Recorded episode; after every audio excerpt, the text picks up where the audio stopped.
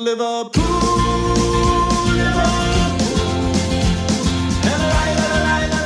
Hej och hallå! Välkomna till ännu ett eh, avsnitt av Total Liverpools podd som görs i samarbete med hemsidan Total Liverpool. Och i vanlig ordning så har jag med mig Per Kvist. Hej och hallå! Hallå, hallå. Och även Thomas Nygren. God kväll! God kväll, god kväll. Eller god förmiddag eller god morgon. Det beror på hur, hur, vad, vad tiden är när du lyssnar. Men ska vi börja med det här känns ju som att det kan bli ett ganska krampaktigt avsnitt. Det kan man väl sammanfatta månaden som har varit, eller året som har varit egentligen krampaktigt. Eh, och vi kommer ju att blicka tillbaka vad det är som har hänt. Hur ska vi gå vidare? Vi kommer även blicka tillbaka på en säsong. Det känns ganska skönt att kunna göra det när det går så jäkla dåligt i den innevarande säsongen. Vi har kommit fram till Premier League-säsongen 03-04. Vi ska också i under avsnittets gång eh, ta en titt på en spelare som en gång i tiden har eh, ja, haft den röda tröjan på sig, har inte längre. Vad har hänt sedan dess? Och det är en Israel som är var är han nu? Du kan fundera på vem det är, men du kommer få svaret vad det lider. Vi ska också blicka framåt. Eh, en månad framåt ungefär och eh, titta i siarkulan, spåkulan. Om det kommer att bli bättre, kommer det bli sämre, är det här det nya vanliga? Vi får se. Och så blir det en topp 5-lista med ett ämne som är ganska kontroversiellt. Och vad är det mest kontroversiella du kan komma på? Det är nog det som är topplistan.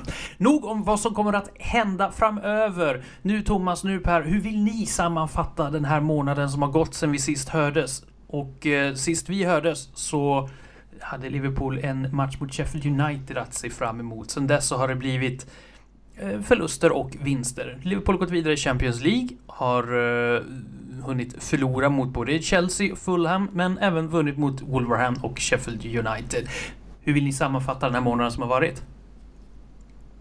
Ja, jag vet inte riktigt vad man ska säga egentligen. Det, det har väl varit någon slags ändå förbättring från den här avgrundsdjupa misären som man kände senast vi spelade in. Då, efter derbyt där mot Everton så ja, såg det ju inte alls bra ut. Och det ser såklart inte bra ut nu heller, men eh, vi har i alla fall fått plocka några poäng i ligaspelet och vid sidan av ligaspelet så har vi lyckats ta oss vidare i Champions League och det gör i alla fall att det finns eh, det finns något, eh, lit, någon liten gnutta hopp om att eh, få se spännande matcher mot, eh, ja, mot säsongens slutskede i alla fall. Men som helhet så är det här eh, den här månaden är ju inte vad man hoppades att eh, mars månad skulle vara när säsongen inleddes i september. Per, hur gick dina tankar Per när Liverpool eh, förlorade för sjätte gången på rad i, på Anfield mot Fulham? 0-1 blev det. Hur, hur kändes det då? Det kändes ju för jävligt och på något sätt så är ju har ju matcherna på Anfield, hemmamatcherna i Premier League, varit kopior av varandra. Det känns som att man får se repris helg efter helg. Liverpool blir nollade och har svårt att komma igenom ett lågt stående försvar och det är ju lika frustrerande varje gång att konstatera att man inte kunde luckra upp det tillräckligt mycket den här gången heller och inte lyckades hålla nollan den här gången heller. Men vad är det som är så svårt och vad är det som har hänt egentligen? Liverpool har ju under flera år nu kunnat göra mål på beställning nästan. Liverpool kunde släppa in två mål men ändå så kände man då som supporter att det är väl inte hela världen, tre mål är inte omöjligt. Nu så eh, är det, ja, kramp är väl det bästa sättet att uh, sammanfatta Liverpools spel. Alltså även matchen mot Wolverhampton kändes nästan, ja, alltså det kändes omöjligt att göra mål. Va, va, vad är det som har hänt? Det är ju samma spelare på planen och de är ju alla i sina bästa år fortfarande. Äh, det är klart, det är ju, det är ju flera saker som spelar in som gör att ett lag går från att ha en av Europas mest spännande offensiver till att ha en offensiv som känns ja, vi hade Gävle IF här i stan för några år sedan som, eh, fram, som pratades om som ganska tråkiga, men deras offensiv var ju sylvass jämfört med den som Liverpool har visat upp sista månaden, eller månaderna. Eh, och säkert det är flera saker som spelar in. Dels på hemmaplan så går det ju inte att komma ifrån det här att man faktiskt inte har någon publik. Det har ju, det har ju inte de andra lagen på sina hemmamatcher heller såklart, men vi har ju sett många gånger genom åren att Anfield har ju faktiskt kunnat lyfta oss fram till vändningar som man inte trodde var möjliga. Och jag har svårt att tänka mig att Liverpool skulle se så otroligt uddlösa ut hemma mot Fulham om man hade haft ett, eh, ett kokande Anfield bakom sig. Så den, det är såklart en aspekt. Sen så, sen så har, ju, har man ju sett att våra ytterbackar dels inte kunnat, inte gått med i offensiven på samma sätt sista tiden och det tror jag spelar in lite grann just det här att vi har haft en väldigt oprövad backlinje. Uh, och i den mån de har följt med upp så har det både varit dålig, dålig, dåliga riktningar på deras inspel och uh, de har varit ganska så stängda utav eh, uh, motståndarna och Liverpool har tvingats att anfalla centralt. Och centralt så har ju mittfältet varit eh, jättesvagt. Thiago pratade vi om redan förra gången att han inte riktigt har kommit in i det, inte fått någon tydlig roll. Uh, och överlag så känns det som att, att spelet genom mittfältet går väldigt, väldigt långsamt och det är få passningar som uh, hotar. Och när man dessutom då ser en spelare som Sadio Mané inte alls uh, inte alls vara inne i samma som, avslutningsstim som man var i under förra säsongen eller början på den här. Vi har sett Firmino som ser trög ut. Salah som inte heller har kommit till. Så då blir det inte... Ja, då, då kommer vi ingen vart. Som det känns nu så känns det också som att det har satt sig i skallen på spelarna. Att de, de tar många, många felbeslut. Eh, där det tidigare gick som på ett pärlband passningarna så känns det som att eh, ja, nu, en två, tre meters passning nu känns som att det är en utopi att de ska klara av. Så det är många saker som spelar in, men det ser ju allt annat än bra ut. Är Liverpool sönderlästa? Per? Jo, men jag tror att det kan ligga i no något i det. Speciellt det här med att ytterbackarna inte kommer fram som tidigare. Det är ju väldigt uppenbart att många motståndare stänger kanterna helt eftersom de vet vilket enormt hot våra ytterbackar normalt sett tillför i offensiven. Och sen är det ju självklart säkert en kombination av att som Thomas var inne på, vi har ju inte direkt ett stabilt mittbackspar heller. Vi har ju Phillips och Kabak nu som...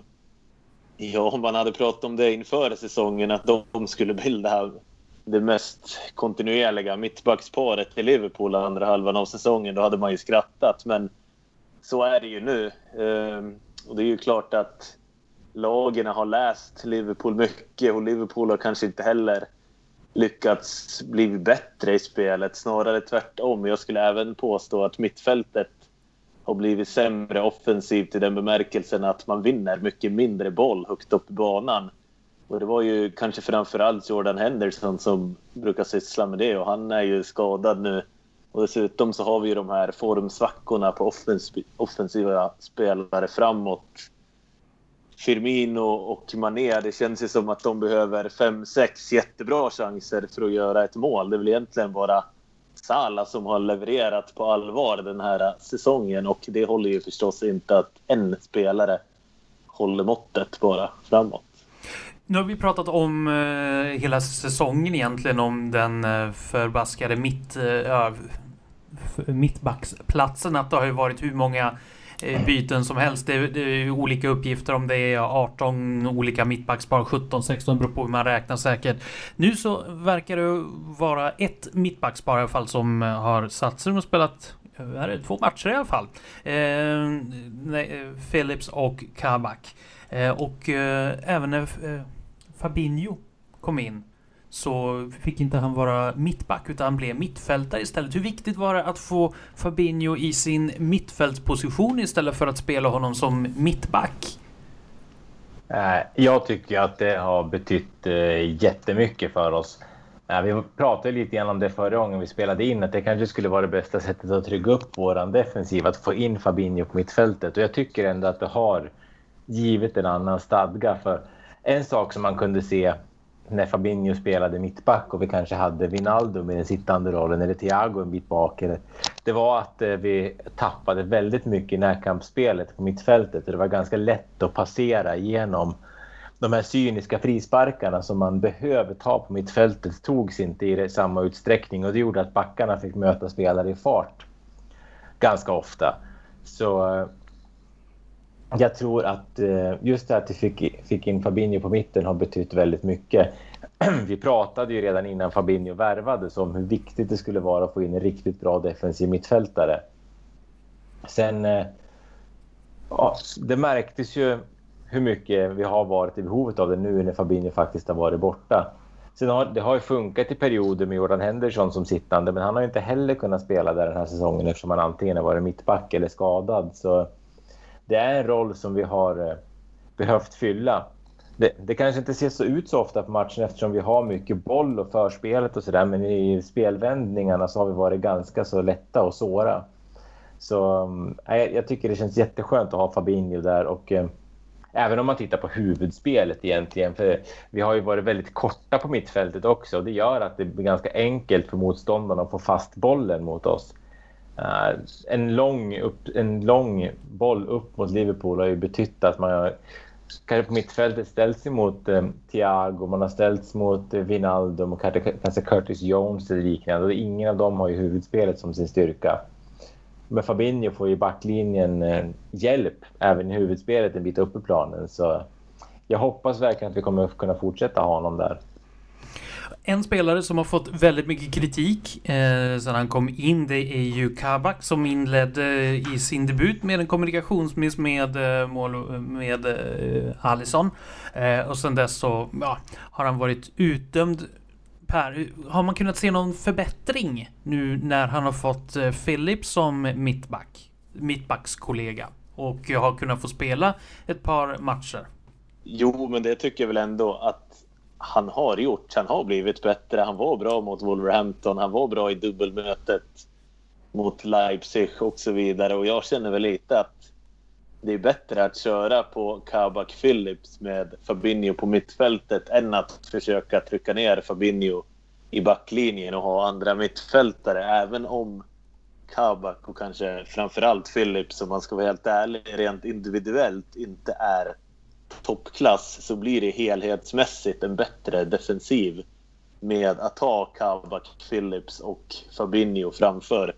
Och det beror ju ja, helt ärligt främst på att Fabinho är ju en defensiv mittfältare av världsklass som vi har varit inne på. Så att ha den skölden och få den tryggheten hjälper ju även Kabak och det tycker jag att man kan se även om man vill ju ha mer av honom. Man vill ju ha bättre positionsspel och jag skulle även vilja ha en starkare närvaro på offensiva fasta för att han har gjort en hel del nickmål i sin karriär i Bundesliga och det känns ju kanske framförallt i de här äh, hemmamatcherna som Liverpool blir nollade på jämt och ständigt nu för tiden. Där känns det ju ofta som att man har många hörnor och kommer i liksom offensiva ytor och att ha tyngd då i straffområdet är viktigt. Även om det inte blir mål så jätteofta så är det viktigt, viktigt att, att kunna mala ner motståndarna och jag känner väl där att det finns mer att hämta av Kabak också. Ja, eh, och eh, man får se. Tror ni att eh, man kommer att få se mer av honom? Kommer han att smälta in bättre eller blir det inte bättre än så här? Per, du, du har ju bättre koll på, på tysk fotboll och så än vad både jag och Thomas har. Ja, alltså det är ju förstås svårt att säga, men han påminner ju lite om Dejan Lovren, vilket ju är lite ironiskt för det är ju någonstans honom som han ersätter. Han är ju väldigt bra råämne, men han har ju kanske inte den här speluppfattningen och positionsspelet som man vill ha av en back av den absoluta toppklassen och jag är väl inte helt säker på att det blir så himla mycket bättre än det här. Bättre, ja, tillräckligt mycket för att man ska vilja köpa loss honom. No, det är väl desto mer tveksamt tyvärr för hans del. Juryn har alltså fortfarande sammanträde kan man säga om eh, Kabak. Och eh, nu, senaste matchen man spelade var ju eh, den 15 mars. Då vann man mot eh, Wolverhampton. Många målchanser, eh, men till slut så lyckades man peta in ett mål. Nu har man en lång vila. Första matchen är inte förrän 3 april. Vad kan det vara? Det är tre veckor ungefär som man inte har någon match. Hur välkommen är den här långa ja, pausen för Liverpool skulle ni säga? Ja, det är ju såklart. Eh, jag tror att eh, det är nyttigt för eh, många av spelarna att få en liten tid att hämta andan efter den här väldigt speciella säsongen. Samtidigt så är det ju så att det är många spelare som är iväg och spelar landskamper istället och för deras del så kanske det bara blir en större påfrestning när man får resa till andra länder och, och så där med risken för smitta och allt vad det innebär. Men eh, för Klopps del tror jag att det här är eh, väldigt skönt. Sen så har ju Liverpool haft vissa problem förut faktiskt att komma och göra bra matcher direkt efter eh, uppehåll. Det har det varit tidigare säsonger när man har sett att det har varit en möjlighet att åka iväg på träningsläger och så där. Så kommer man tillbaka och så är man, ser man nästan segare ut än innan. Men eh, den här gången känns det som att risken för att de ska se segare ut känns ju nästan eh, obefintlig. Ja, du får jobba hårt så. för i alla fall. Ja, det får man väl säga. Så man kan väl säga så länge som vi får tillbaka våra spelare från landslagsuppehållen helskinnade så kan nog det här vara, vara bra. Dels de här spelarna som har fått slita hårt kanske får ta det lite lugnare och eh, Klopp får en chans att eh, skruva ännu mer på spelsystemet och eh, hur vi ska lägga upp det inför avslutningen på säsongen. En snackis nu också slog det mig.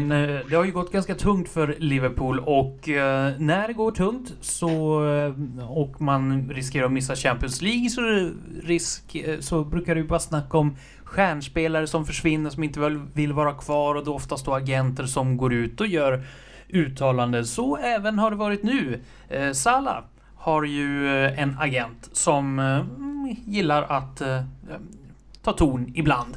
Hur mycket ska man, hur mycket vikt ska man lägga på de utspelen om att Salah riskerar då att kanske försvinna till sommaren? Ja, någonstans finns det ju en kontraktsförhandling där om en förlängning i bakgrunden. Och man får väl tänka på det att agenten försöker sätta press på Liverpool att ja, erbjuda honom ett så bra kontrakt som möjligt. Jag tror väl kanske inte att sannolikheten är jättehög att Salah kommer att lämna i sommar. Men Eh, ja, av den enkla anledningen att det finns väldigt få klubbar som kan köpa loss honom och det finns ju andra spelare på marknaden för de klubbarna, till exempel Håland. Men det som man skulle kunna tänka sig är ju att PSG köper honom om de tappar Mbappé till någon annan klubb. Men annars har jag väldigt svårt att se att han skulle säljas till sommar, särskilt med tanke på det ekonomiska klimatet. Bara apropå sälja i sommar, kommer fronttrion tror ni vara intakt när nästa säsong börjar? Det känns lite konstigt att prata om nästa säsong redan, men, men eh, med tanke på den skrala målproduktionen och att eh, ja, utspelen från då framförallt då Salas agent. Är det dags att eh, börja sälja av spelare? Eh, jag tror ju att alla tre kommer vara kvar nästa säsong. Sen så är jag inte helt hundra på att de kommer vara en given starttrio. Vi har ju redan nu sett eh, hur Jota har kommit in och eh, gjort ett rejält avtryck. Sen så är det svårt också tycker jag att veta vilka slutsatser man ska dra av den här ändå väldigt speciella säsongen.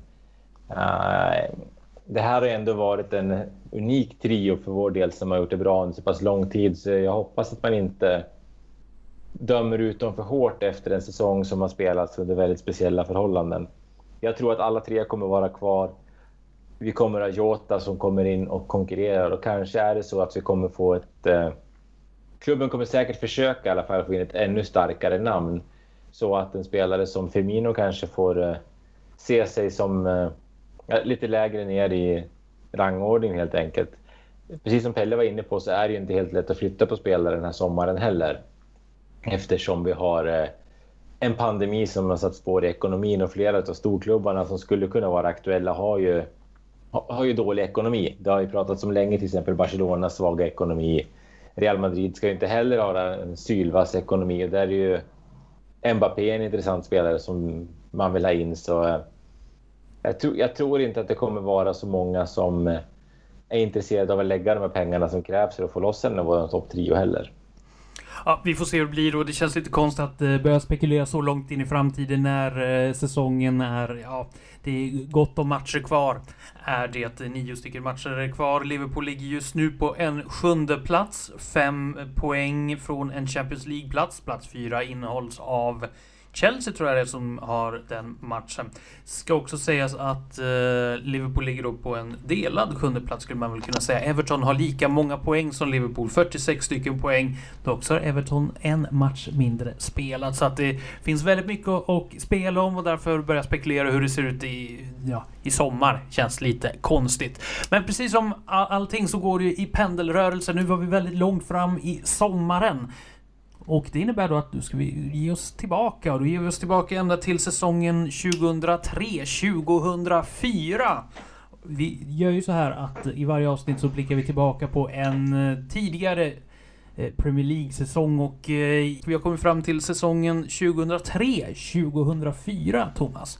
Rullat på nu från den sista, från säsongen 89-90 när vi fick vara med och vinna senast fram tills Eh, Eh, nu till 2003-2004 och vi lämnade ju Liverpool senast efter en relativt ändå framgångsrik säsong. Det blev ju ingen eh, stor titel men ändå kvalificerande för ehm, Europaspel och vi hade ändå häng på den absoluta toppen. Så det här var en säsong som man gick in i med ändå väldigt spänd förväntan. Som vanligt så var det ju en del eh, spelare som lämnade och spelare som tillkom.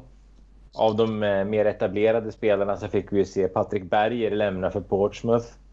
Vi fick se Vegard Heggem lämna. Uh, vi fick se Bernard Diomed lämna, fast han gjorde väl inte en minut för klubben, så det tror jag inte att det var så många som led av.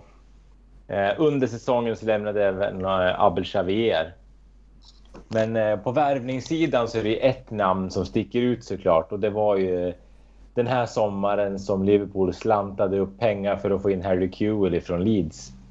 Och det var ju en värvning som åtminstone jag tänkte skulle kunna revolutionera vårt spel. För det här var ju en världsklasspelare innan han började få skadeproblem. Och eh, skadeproblem vet vi vad det kan innebära för ett lag numera. Så eh, ja, vi återkommer säkert till Harry Kewell senare. Eh, dessutom fick vi en, en eh, en av hjältarna från Champions League-vinsten i Istanbul, nämligen Steve Finnan, som eh, startade den matchen när vi vände mot Milan. Han var i och för sig utbytt, men eh, han var ju med i truppen i alla fall. Och så hade vi ett ungt franskt lovande par som kom in ifrån Le Havre. Anthony Letalek och Sinama Pongol kom ju till klubben också i samband med det här. Så det var några ändå fina namn som kom in med Steve Finnan, QL, Tallek Pongol, både etablerade spelare och eh, talang. Så säsongen kändes ju spännande när man gick in i den såklart. Uh, och uh, det var ju en het drabbning redan i första omgången då Liverpool ställdes mot Chelsea på Anfield. Och det här var ju ett Chelsea som hade revolutionerats under sommaren. Det här var ju Chelseas första sommar med uh, Abramovic första sommar med riktigt mycket pengar. Vi pratade senast om att det var på grund av att Liverpool missade Champions League som Chelsea fick en chans att eh, slanta in de här pengarna sen och eh, det visade sig ge effekt redan från start för man slog Liverpool på Anfield med eh, 2-1 efter mål av eh, floppen Veron och eh, Jimmy Floyd Hasselbank. Michael Owen gjorde Liverpools mål på straff Eh, och det började inte bra för Liverpool. Man förlorade i premiären, kryssade mot Aston Villa, kryssade mot eh, Tottenham. Så efter tre omgångar hade Liverpool bara gjort ett mål när man skulle spela derby borta mot Everton. Lyckligtvis så klarade man av att ta sig från Everton med tre poäng. Efter två mål av Michael Owen bland annat. Vann tre raka matcher där innan det skulle börja på en ny tråkig bana. De har förlust mot Charlton, förlust mot Arsenal, förlust mot Portsmouth. Så eh, när vi kom in i, eh, när vi närmade oss slutet på oktober hade Liverpool förlorat fyra matcher, kryssat två, bara vunnit tre. Så det var ingen bra start på säsongen. Eh, sen faktiskt 25 oktober så spelar man mot Leeds på hemmaplan och vann med 3-1. Och för mig personligen så är det en speciell match eftersom det var första gången som jag var på besök på Anfield. Uh, så den minns jag såklart uh, väl. Jag minns också att det var jättestort att få se Sinama Pongols första Liverpool-mål. För jag tänkte han kommer ju bli en stor stjärna så det blir stort att få se hans premiärmål på Anfield. Det är väl kanske ingenting som man kommer att berätta om i framtiden, men eh, då hoppades man ju på att det skulle vara stort.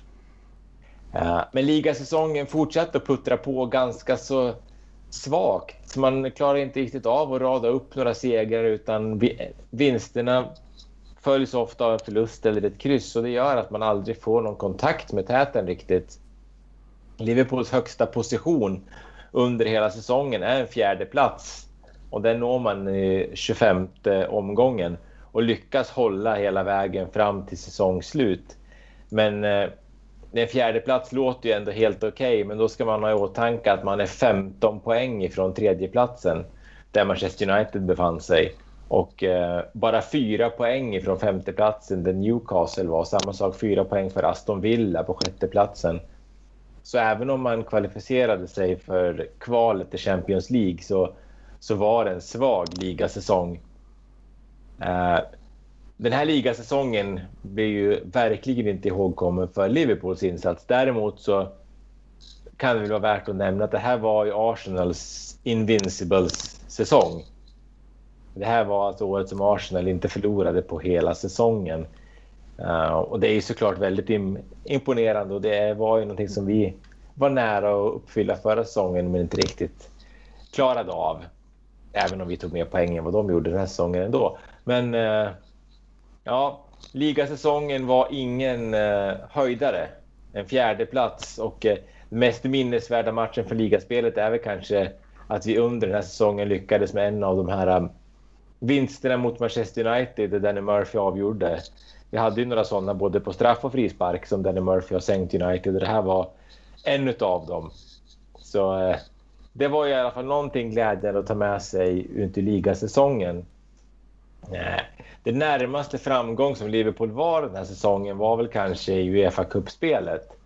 Där eh, man inledde med att möta ett lag som eh, ni känner igen från Igor Bishkans historia, nämligen Olympia Ljubljana som man slog ut. Man slog sen ut Stoja Bukarest och Levski Sofia innan man ställdes mot eh, Marseille.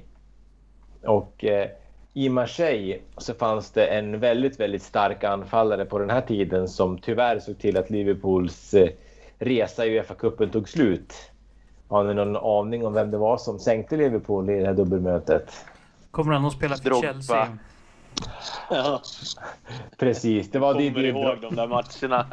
ja, det var Didier Drogba som eh, först gjorde målet för Marseille på Anfield, så han kvitterade Milan Baros ledningsmål. Och han var en av dem som eh, gjorde mål i eh, returen nere i Marseille. Heskey gav Liverpool ledningen, men eh, Drogba sen kvitterade.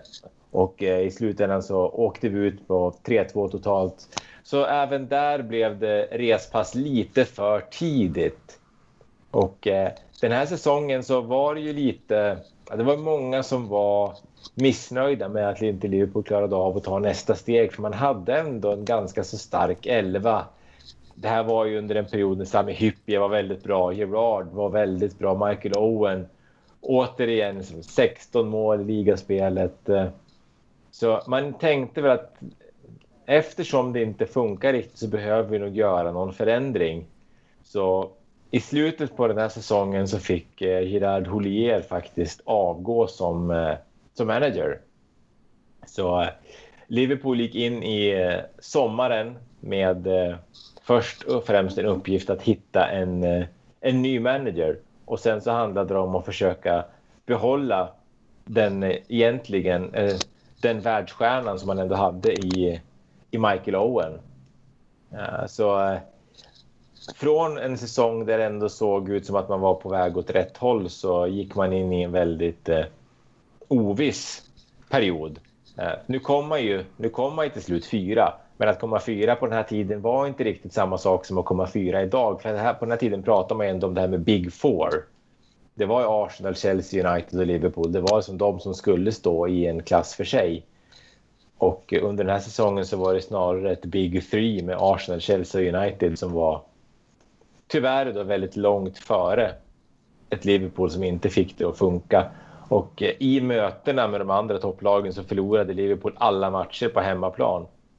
Både mot Arsenal, mot Chelsea och United så blev det förluster på hemmaplan och då gjorde det inte så mycket att man vann två mot två av dem borta utan eh, känslan efter säsongen var att Liverpool helt enkelt inte räckte till i eh, kampen om de eh, ädlaste placeringarna i tabellen.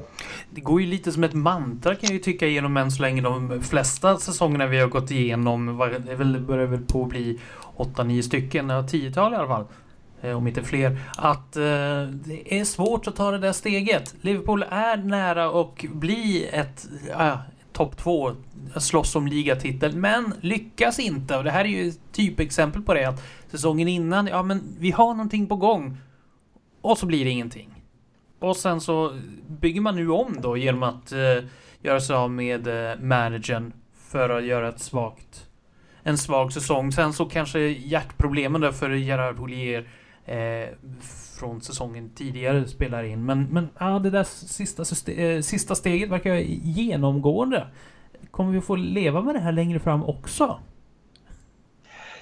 Ja, alltså, det är ju känslan man har haft under en, under en lång tid som Liverpool-supporter att eh, det här eh, nästa år, då jäklar.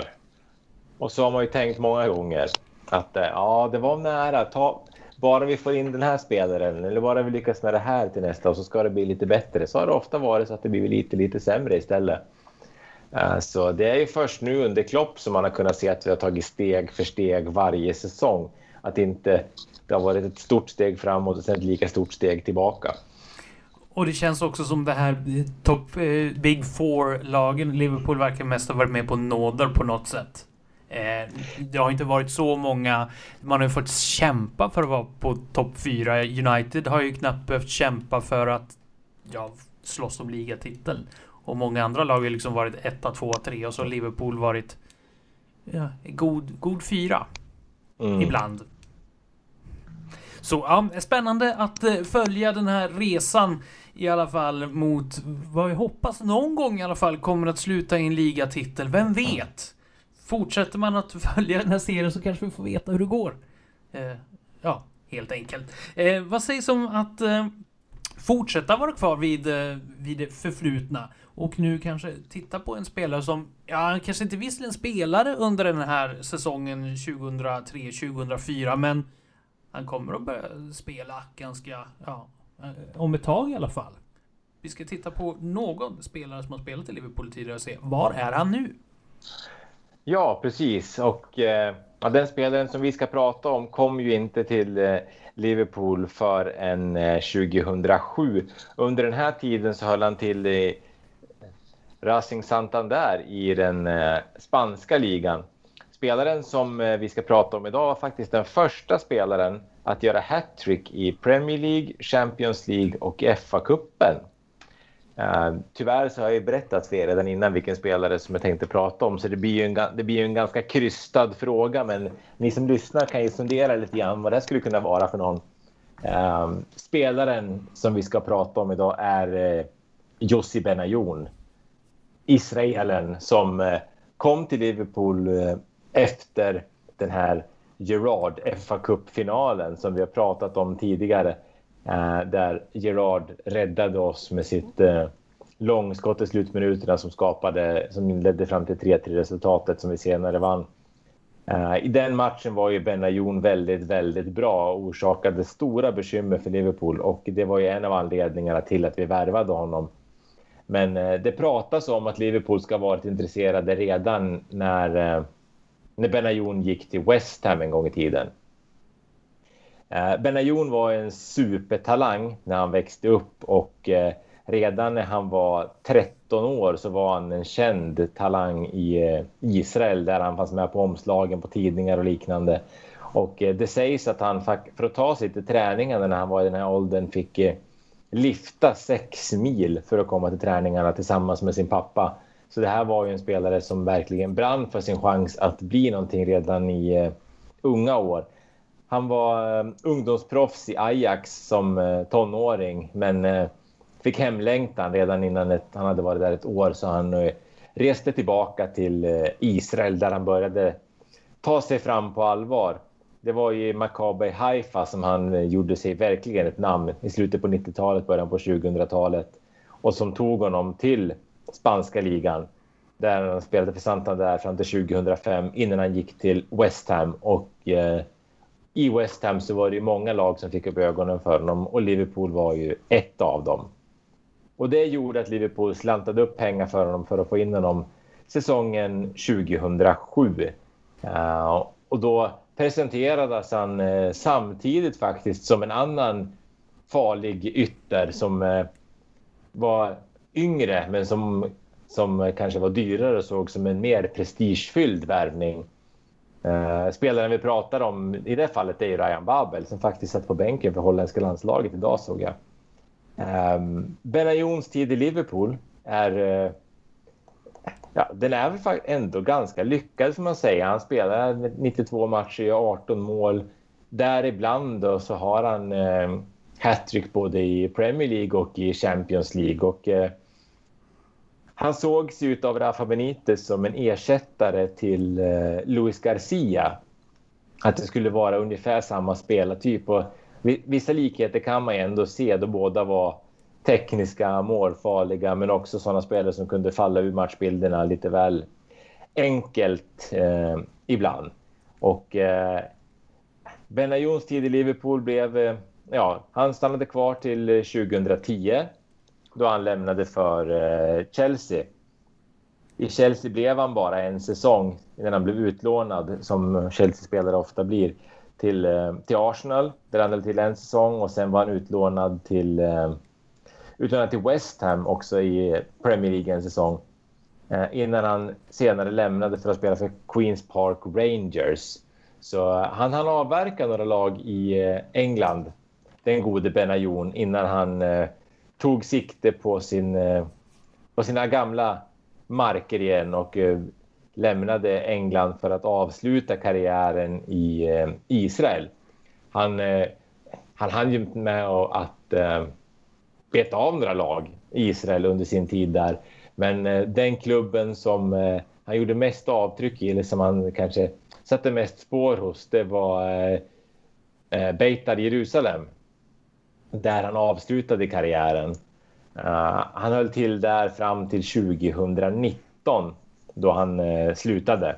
Och i samband med att han slutade så blev han uh, Sports Director, jag skulle gissa att det är någon slags sportchef i Beitar Jerusalem där han håller till idag.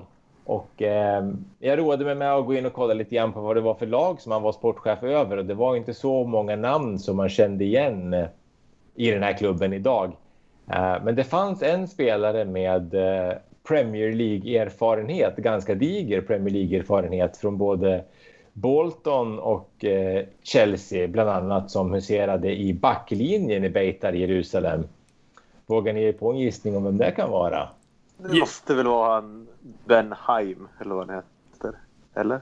Precis. Tal Ben Haim spelade fortfarande mittback i Beitar Jerusalem. Och då tänkte jag att han måste ju vara lastgammal. Så var jag inne och tittade och insåg att han faktiskt var ett år yngre än vad jag var. Så... Eh, så vi kanske kan nöja oss med att säga att han står sig stark i den eh, israeliska ligan fortfarande, Tal Benhaim. Eh, de hade också en spelare som hette Antoine Conte som jag tänkte jag skulle titta lite grann på, för det, det måste ju vara någon som är döpt efter Antonio Conte. Uh, många spelare som kommer fram i de afrikanska länderna har ju kunnat tendens att döpa sig efter sina favoritspelare. Uh, men sökte man på Antoine Comte så fick man inte speciellt mycket roliga nyheter för han hade faktiskt för bara ett par månader sedan blivit dömd till fängelse för att han hade misshandlat en person med baseballträ. Så um, det, det, var, det fanns inte så mycket rolig fakta att hitta om honom som jag hade hoppats helt enkelt. Uh, men Jussi Benayoun är i alla fall med och är eh, sportchef i Beitar Jerusalem. Och när man googlade på Beitar Jerusalem så fick man fram väldigt mycket om att det här ska vara de kallades för en av de mest rasistiska klubbarna i Europa. Och det är ju såklart ganska kontroversiellt att utse en klubb tre. Men vad jag kunde förstå så var det för att man helt enkelt hade gjort en grej av att man inte värvade spelare från arabländerna. Um, och det var någonting som den nya sportchefen ville försöka komma ifrån. Att han ville få de mest, eh, ja, de mest eh, konservativa supportrarna att eh, ändra sig och kunna bli en mer öppen klubb och att Benayoun skulle kunna vara skulle kunna vara en hjälpreda dels eftersom han hade mycket kontakter med andra länder men också att han var en stor person i hela Israel. Så det är kanske ingen lätt position som Benayoun har fått.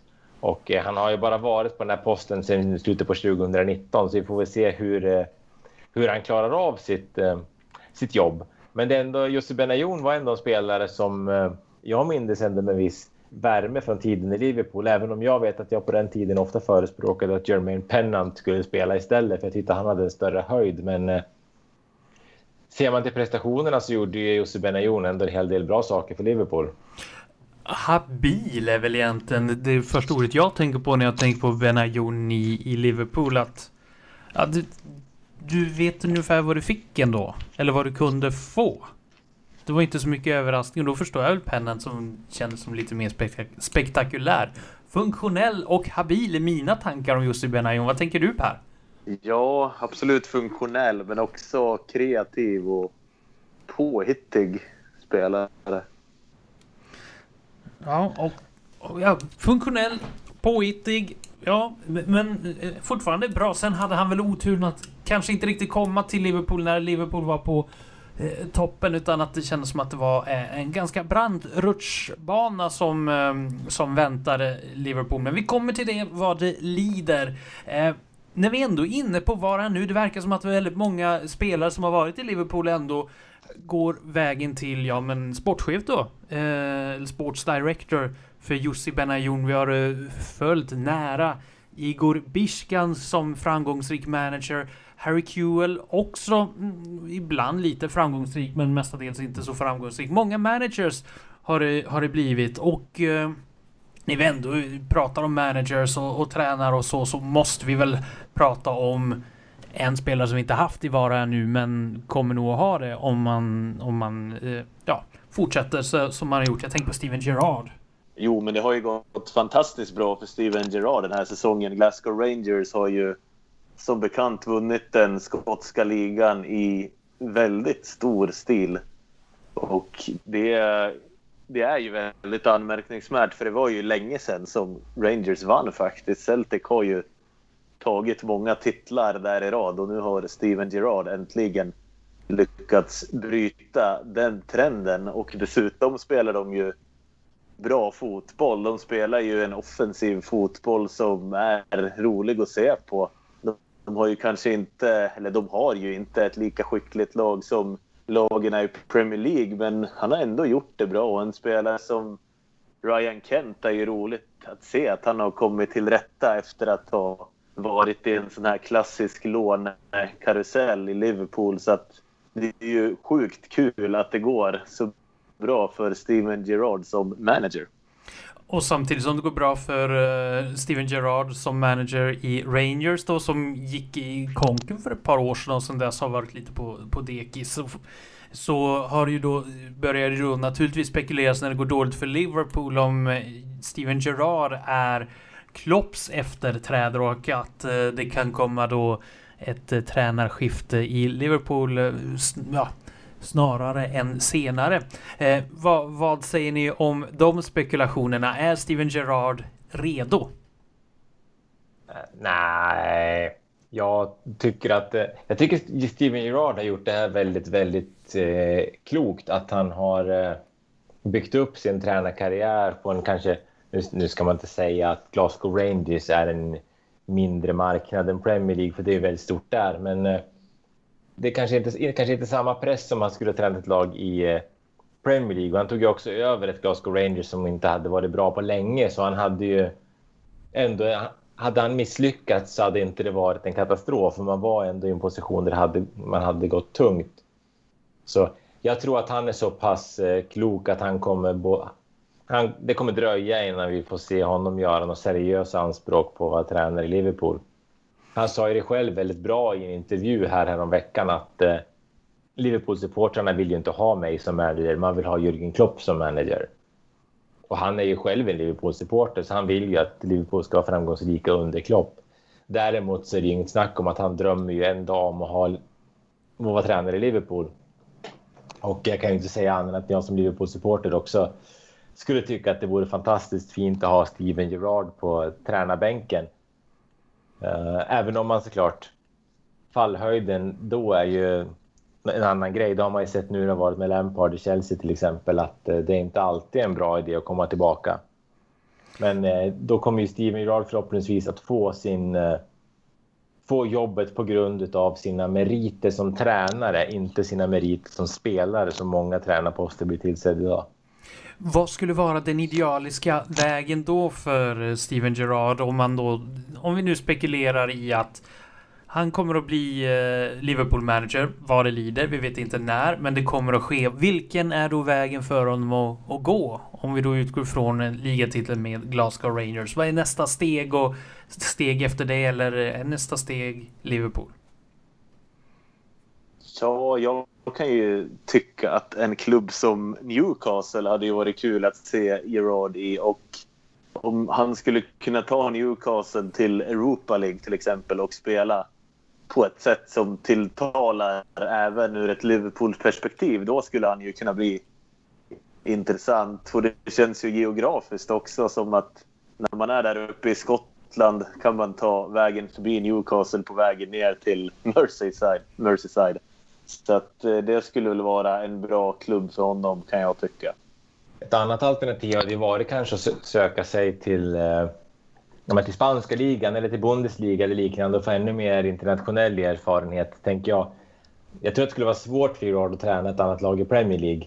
Samtidigt det är klart, Newcastle ska ju kanske inte vara en konkurrent till Liverpool utan det är ju mer en... Eh, åtminstone nu för tiden så är det en klubb som eh, krigar på en lite annan eh, nivå. Men eh, absolut ett lag som Newcastle i England eller om man kanske skulle hitta ett mittenlag eller ett lag på övre halvan i Bundesliga eller spanska ligan eller liknande så tror jag att det skulle kunna vara ett intressant nästa steg. Alternativt att eh, han skulle kunna få en möjlighet att kanske ta över landslaget efter Gareth Southgate, för där har det ju också varit ganska så... Där man har ju varit mån om att ha brittiska tränare av en anledning, trots att man inte har speciellt många bra brittiska tränare. Eh, så där kanske han skulle kunna vara ett namn efter att Gary Southgate fått sparken snart nu när han har fått för sig att inte Alexander Arnold ska vara med i truppen. Så eh, kanske får vi se honom eh, ja, på någon av de platserna innan det är dags för honom att ta sig an Liverpool den dagen som Klopp tycker att det är dags att kliva av. Ser ni att det är Steven Gerrard som kommer att ta över efter Klopp? Det beror lite grann på hur länge Klopp blir kvar. Jag tänker att den, det är kanske inte omöjligt. Han kommer ju garanterat att nämnas. Men eh, jag tror att han kommer inte vara den som tar över om inte han känner sig redo. För han är nog också väldigt mån om att hans tränartid i Liverpool ska vara lyckosam. Och då kanske det är bra att låta någon annan vara emellan. Men ni tror båda att han kommer att ta över Liverpool vad det lider? Nej, jag tror väl kanske inte det. Alltså, det sannolika är ju inte att han blir en manager som blir tillräckligt bra för Liverpool. Det sannolika är ju att han blir en manager för lite mindre klubbar kanske. Jag menar Liverpool är ju trots allt ett av de största managerjobben i hela världen. Och bör ju rimligtvis ta in en av de bästa den dagen Klopp av någon anledning lämnar. Och jag tänker ju att det är ju inte sannolikt att Gerard kommer bli en av de bästa där ute. Men självklart finns ju möjligheten. Ja, hur nekar man en ikon som Gerard? Det gick ju bra för Kenny Dalglish. Eh, bland annat. Så, ja, vi får se vad framtiden har eh, i sitt sköte för Steven Gerrard helt enkelt. Och vi har ändå nu börjat spekulera lite framåt i hur det ska gå för Gerrard. Då är det verkligen spekulationer långt fram i tiden. Jag tänker att vi ska fortsätta spekulera i framtiden, men kanske inte riktigt lika långt fram i tiden utan mer än ja, men en dryg månad fram i tiden. Liverpool kommer ju... Vi kan, vi, kan ju, vi kan ju bara nämna här innan vi går vidare att eh, imorgon så kliver Kroatiens U21-landslag in i eh, U21-EM. Och då vet vi alla vem som äntligen får ta sig an en eh, ny match som tränare. Um, man möter eh, Portugal imorgon kväll. Kroatiens U21-landslag under Igor Biskan. Så, eh, tuff uppgift. Tuff uppgift. Man har Portugal, Schweiz och England i gruppen. Så det blir något av ett Biskan-derby där med Kroatien, England där han får möta sitt, sitt gamla hemland med sitt ja, med sitt ursprungsland. Det kommer att bli en tight kamp där för Liverpools framtida manager. Blir det Biskan eller blir det Gerard? Två Liverpool-legender slåss om kampen. Kanske. Vi får se. Eh, Igor Biskan. Vi följer hans eh, framsteg som ja, tränare. Vi följer Eh, hans väg mot världsberömmelse som tränare. Kan vara den nya José Mourinho eller eh, Villas Boas, vem vet? Vi får se, vi får följa honom vad det lider, men en eh, U21-match mot Portugal i alla fall är vad som är på näst för honom. Och näst för oss är att eh, ja, spekulera i hur det kommer gå för Liverpool den närmaste månaden fram till den 24 april har jag tänkt. Och eh, under, eh, ja, fram tills dess så kommer man att eh, spela borta mot Arsenal. Hemma mot Aston Villa, borta mot Leeds och då hemma mot Newcastle i ligan och sen så blir det också ett dubbelmöte mot Real Madrid i Champions League. Men vi kan börja då med ligan som det, det har ju sett lite ja, ska man vara snäll då, lätt krampaktigt ut. Framför allt på hemmaplan. Eh, nu möter man då Arsenal först på bortaplan, så får vi då säga att det blir en 1-0 seger. Eh, men men eh, vad, vad, tror ni om de här eh, fyra matcherna mot Arsenal, Villa, Leeds och Newcastle varav Newcastle och Villa är på hemmaplan? Kommer det här krampaktiga spelet att fortsätta på hemmaplan eller kommer den här långa vilan som Liverpool har haft att vara välgörande? Jag tror ju att man kommer att vinna mot Arsenal. Visst så har vi spelare på landslagsuppdrag, men det har ju verkligen en klubb som Arsenal också. Och den matchen som jag faktiskt ser fram väldigt mycket mot är ju Aston Villa hemma. För att på något sätt så är det ju den matchen där man verkligen borde vända den här hemmatrenden.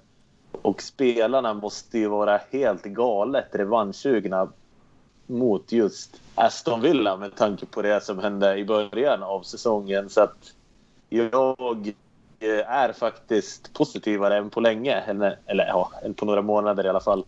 Så jag tror att det här eh, kommer gå vägen nu. Men ja, det är ju... Det är ju väldigt optimistiskt att säga så med tanke på hur det har sett ut. Men det måste ju vända med de här spelarna, tänker jag. Spelare som Mané, och Firmino kan ju inte vara urusla hur länge som helst. Vi vet ju hur skickliga spelare det är. Så det blir nog en rolig månad i ligan, tror och hoppas jag. Ja, de har i alla fall testat gränserna hittills hur länge man kan spela, eh, ha en formsvacka i alla fall. Eh, Thomas, vad, vad, vad, tror du framöver? Jag det här är väldigt olikt mig, men jag är faktiskt inne på samma sak som Pelle här, att jag tror att vi har en ganska så positiv månad eh, framför oss. Det har ju varit bedrövligt egentligen ända sedan årsskiftet. Men äh, jag, det, jag får ändå en känsla av att vi är på väg åt rätt håll. Vi börjar få tillbaka spelare. Vi har så, sett Jota kommit in. Vi har sett eh, Fabinho spela på mittfältet. Keita har varit frisk en gång. Um, vi börjar få tillbaka de här spelarna som vi kommer att få tillbaka den här säsongen. Och uh, om vi nu kan spela matcher utan att få fler skador i backlinjen så tror jag att vi kommer kunna ha ett tillräckligt bra spel för att börja plocka segrar. Sen kanske inte det betyder att vi kommer vinna alla de här fyra matcherna, men jag tror att det kommer vara lite roligare att titta igen. Uh, jag, jag, tycker man kan se ändå att Jotas uh, att Jota kommit in, att det har betytt någonting för energin i laget. För då hade vi faktiskt en spelare som kände som att han sprang i, så fort han kunde. Och att han pressade och försökte vinna boll. Och... Eh, det känns ändå som att vi är på väg åt rätt håll. Och eh, vi måste ju ta en hemmaseger snart. Det är inget snack om saken. Utan eh, Aston Villa, då måste vi gå in och visa att eh, även om vi inte har publiken med oss så är Anfield inget lag ska kunna komma till Anfield och känna att man eh, har chans att vinna utan till Anfield ska man komma och känna sig slagen på förhand. Och det måste ju börja det måste ju börja gnugga in i väggarna igen. Så kanske kan också det här eh, Europaspelet ge lite eh, energi till spelarna. För vi har ju både en konkurrenssituation och matcher som ändå många borde vilja spela. Så kanske kan det få några att lyfta sig ytterligare en nivå. Nu har vi under en period spelat många matcher samma under samma veckor och eh, få spelare att rulla på. Det har sett väldigt trött ut. Nu kan inte spelarna som inte är mittbackar skylla på att de inte har någon tid att vila. För nu finns det faktiskt ersättare till alla spelare i startelvan utom just Kabak och Phillips. Och Fabinho kanske snart. Um, och hur viktigt är, skulle du säga att, att Jota har kommit tillbaka som spelare men, men eh, framförallt som konkurrens till eh, de ja, som har varit ordinarie tre? Eh, Firmino, Mané och Salah. Hur viktigt är det att, att, att de får konkurrens? Jo, men det är nog jätteviktigt och dessutom så kan man ju se på något sätt att Jota är ju inte mentalt kantstött när han kommer in. Han kommer ju in precis som alla spelarna kom in i början av säsongen. Liksom full av självförtroende, full av energi. Så att det är ju jätteviktigt att han är tillbaka. Så ni tror båda två i ligan i alla fall att det blir eh, gladare tongångar än vad det varit tidigare i år som har varit, ja men bedrövelse är väl egentligen det sammanfattande ordet. Eh, när det gäller Europaspelet då. Eh, Liverpool har ju eh, nyligen då slagit eh, Leipzig i åttondelsfinalen. Tack vare kanske att man eh, slapp spela hemma. Det blev 4-0 på neutral plan, vilket passade Liverpool alldeles utmärkt. Nu så kommer man att ställas mot eh, betydligt namnkunnigare motstånd i alla fall.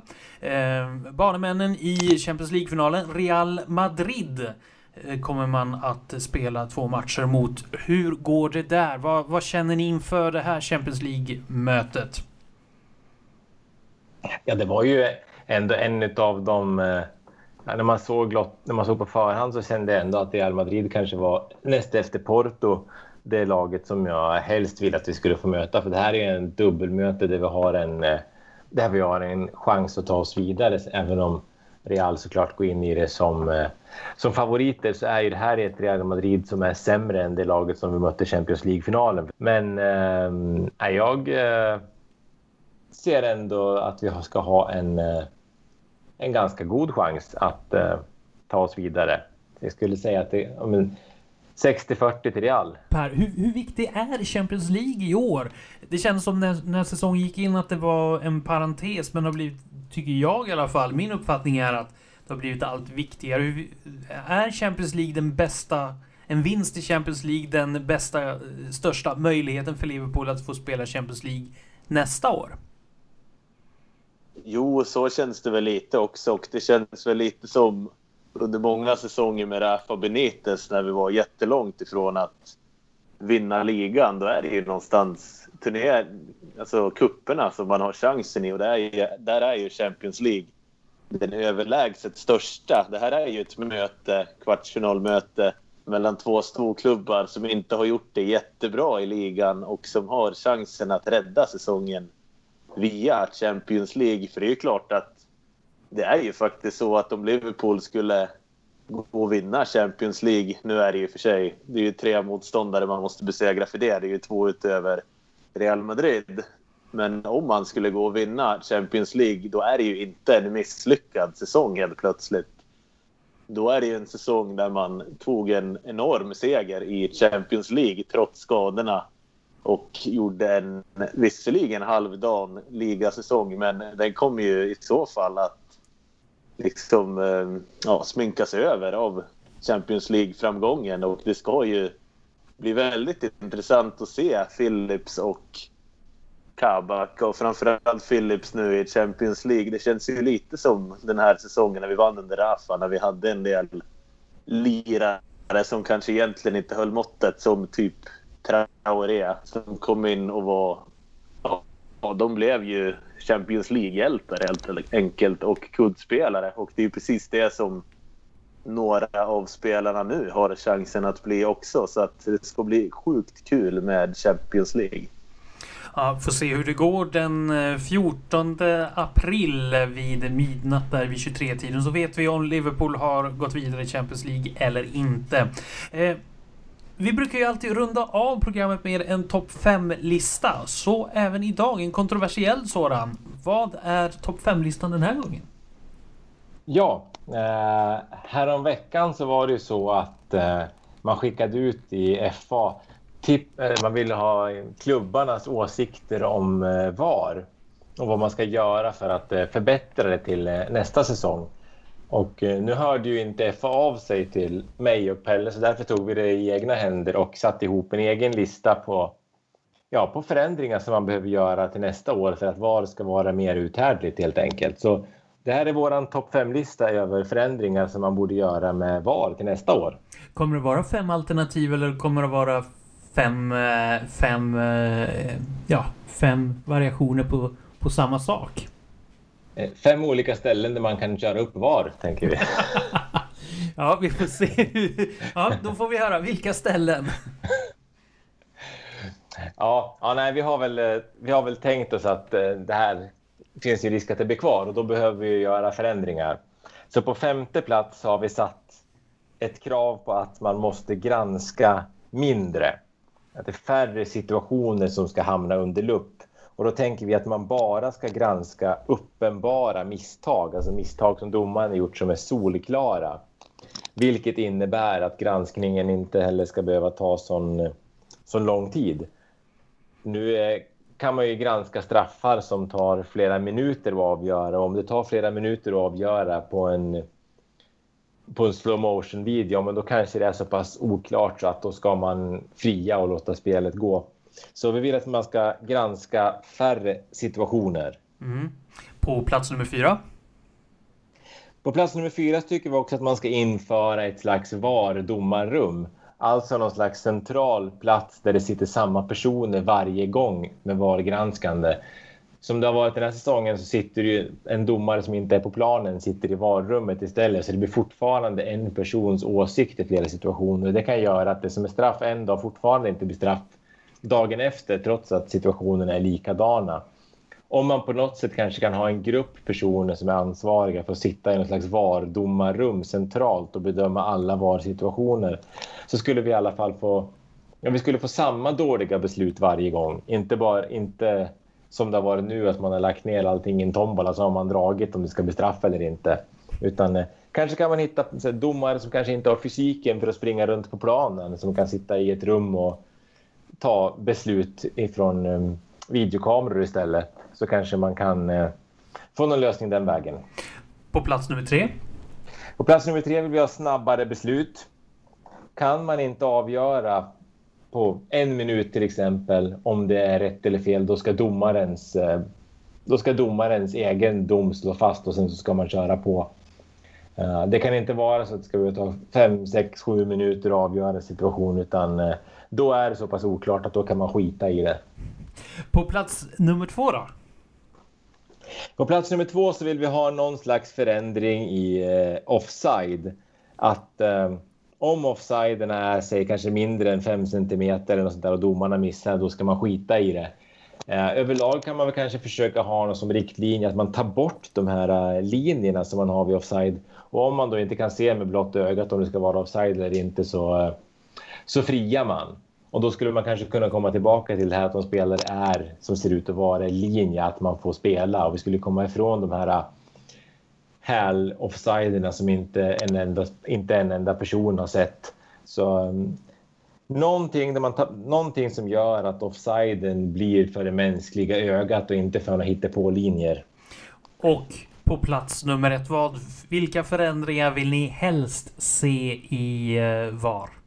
Ja, den förändring som vi helst av allt vill se med VAR, det är att man tar bort det helt. För jag tror att jag tror att det är någonting som de flesta supportrar som har följt Premier League den här säsongen skulle föredra. Att man slapp allt som har med eh, VAR att göra helt enkelt. Att man går tillbaka till att domaren avgör. Och så får det bli fel med någon offside ibland och det får bli fel med någon straff ibland. Man kommer i alla fall kunna jubla när det blir mål. Ja, om det kommer publik tillbaka så får vi också jubel. Eh, det var topp 5-listan förändringar vi var och eh, bara mellan eh, dig och mig ska jag säga att jag är inte så förvånad över plats nummer ett. Däremot är jag förvånad att plats ett eh, inte spred sig ut på 2, 3, 4, 5. Men det, det är jag. Ja, Eh, vi tänkte skulle ha lite, lite variation. Ja. kan det vara bra att ha. Ja, säga, vi har skickat ut den här frågan på sociala medier också för att se vad våra lyssnare tycker om, eh, om VAR. Och eh, man kan väl säga så, Andreas Olsson svarade att vi skulle ta bort det helt. Lars Torssell la ut en GIF där det stod “Kill it with fire”. Eh, Andreas Högenberg tyckte man skulle kasta det i en sophink. Eh, vi fick också in förslag som eh, ifrån Anton Fahlén som skrev att det finns ju en mängd saker att förändra. För det första ska det finnas en transparens i kommunikation mellan vardomare och huvuddomare där man får höra i livesändning vad som sägs. Och sen kan man, tycker han inte heller att man kan ha offside-granskningar där kameran inte ligger exakt i linje. Kameror längs exakt hela ena långsidan, max en meters mellanrum som kan nyttjas i offside-situationer. Eh, Nico Perez skriver att det är svårt att komma fram till hur vi ska kunna fira mål som förut med VAR i bilden. Och det tycker han är eh, kärnfrågan och det kan man ju såklart hålla med om. Eh, Mattias Bodström skriver att går det inte, går det inte att snabbt med ögat se att en spelare är offside så ska det frias. Inga linjedragningar i fem minuter för att avgöra och en generositetsprincip för att gynna all anfallande lag. Eh, Andreas Högenberg ville då förutom att man skulle slänga in i en sophink att de skulle sätta en tidsgräns på hur lång check eh, det får vara innan plandomarens beslut gäller. Han vill att det ska vara mer clear and obvious, precis som det pratades om tidigare, att man bara ska gå in och ändra om det är väldigt tydliga misstag. Eh, han vill att vardomarna ska förklara sina beslut, men framför allt så vill han se all, allmänna regel och tolkningsförändringar och det är ju såklart en väldigt viktig del i det här också. Det här med hands och offside och så, det kanske man behöver tydliggöra vad reglerna faktiskt eh, säger.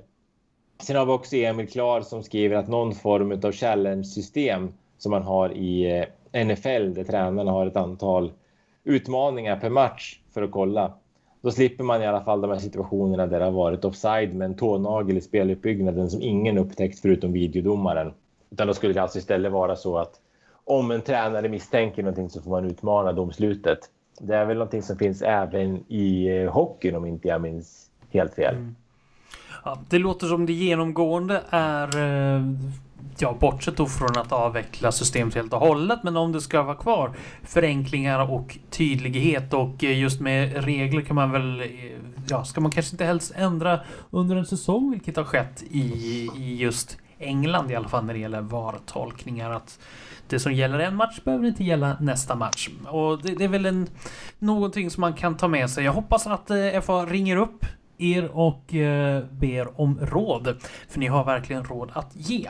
Eh, tack så mycket för alla inskickade förslag till hur man kan förbättra VAR-systemet. Det behövs. Nu börjar det på att bli dags att runda av det här eh, avsnittet och eh, innan vi säger tack och hej så Per och Thomas, vad är det ni vill se helst från Liverpools sida fram tills nästa gång vi hörs? Jag skulle vilja se Sadio Mané komma tillbaka i gammalt gott slag. Och Thomas, vad vill du se? Och det, var, det var en bra shout måste jag säga. Jag har också saknat att se, se Mané i eh, hundraprocentigt slag. Men om jag, ska, om jag ska säga någonting annat så, eh, så skulle jag tycka det vore kul att se Trent Alexander-Arnold knorra in en frispark. Eh, och så vill jag såklart att vi ska spöa Leeds så att inte farsan får för mycket luft under vingarna.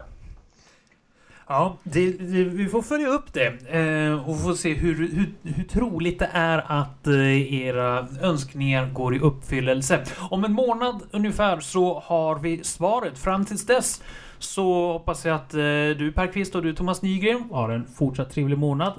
Och eh, sen framförallt du som lyssnar. Tack för att du laddade ner det här avsnittet och ha det så fantastiskt bra tills vi hörs igen. Jag Andreas Hjälpe, tackar för mig. Ha det så bra. Hej då! Liverpool, Liverpool.